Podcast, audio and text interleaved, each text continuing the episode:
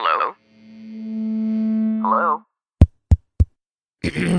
Podcast Network Asia.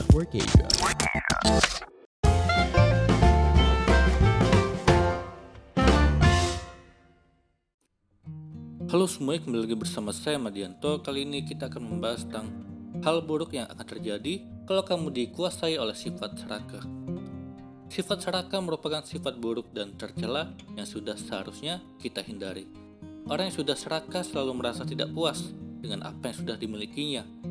Keinginan tanpa bataslah yang menjadikan sifat serakah semakin menjadi-jadi dan sulit dikendalikan.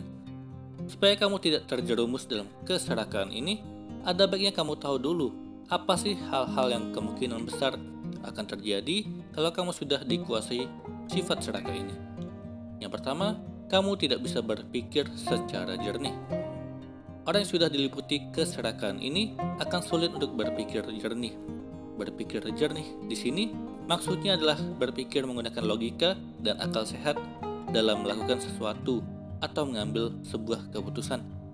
Karena yang ada di pikirannya hanya ingin keuntungan yang sebanyak-banyaknya bagi dirinya sendiri. Maka apa pun yang dilakukan dan diputuskan didasarkan tanpa pemikiran yang matang. Kedua, sifat waspada dan kehati-hatian akan melemah.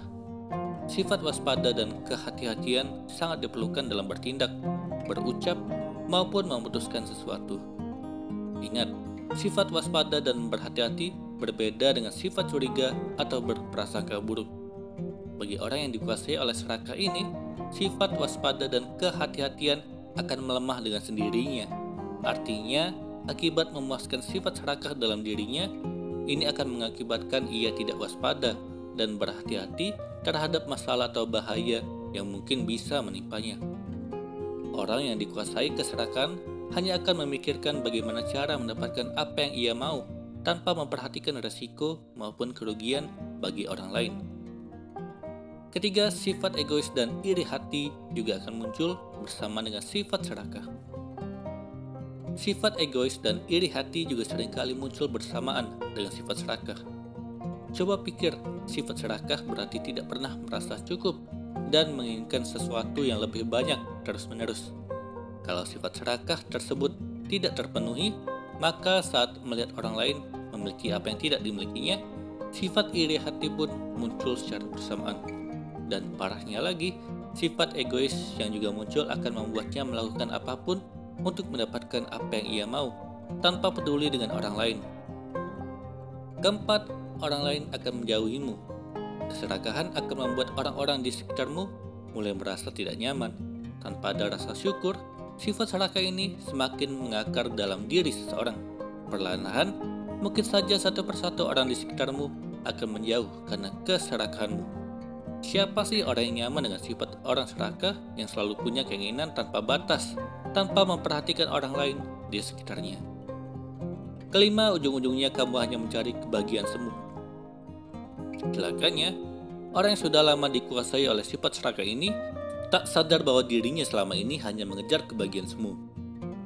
Kebahagiaan semu adalah kebahagiaan palsu, yang artinya kebahagiaan yang dianggap membawa kebahagiaan sejati, padahal nyatanya tidak.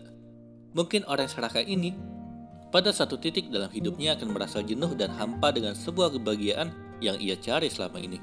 Ternyata adalah kebahagiaan semu. Pada saat itulah semoga mereka yang bersifat serakah ini bisa tersadarkan. Jadi mudah-mudahan dengan penjelasan tadi dapat membuatmu lebih mengerti hal yang buruk yang mungkin terjadi akibat sifat serakah yang tercela ini. Semoga ini bermanfaat. Sekian dan terima kasih. Pandangan dan opini yang disampaikan oleh kreator podcast, host, dan tamu tidak mencerminkan kebijakan resmi dan bagian dari podcast Network Asia. Setiap konten yang disampaikan mereka di dalam podcast adalah opini mereka sendiri dan tidak bermaksud untuk merugikan agama, grup etnik, perkumpulan, organisasi, perusahaan, perorangan, atau siapa pun dan apa pun.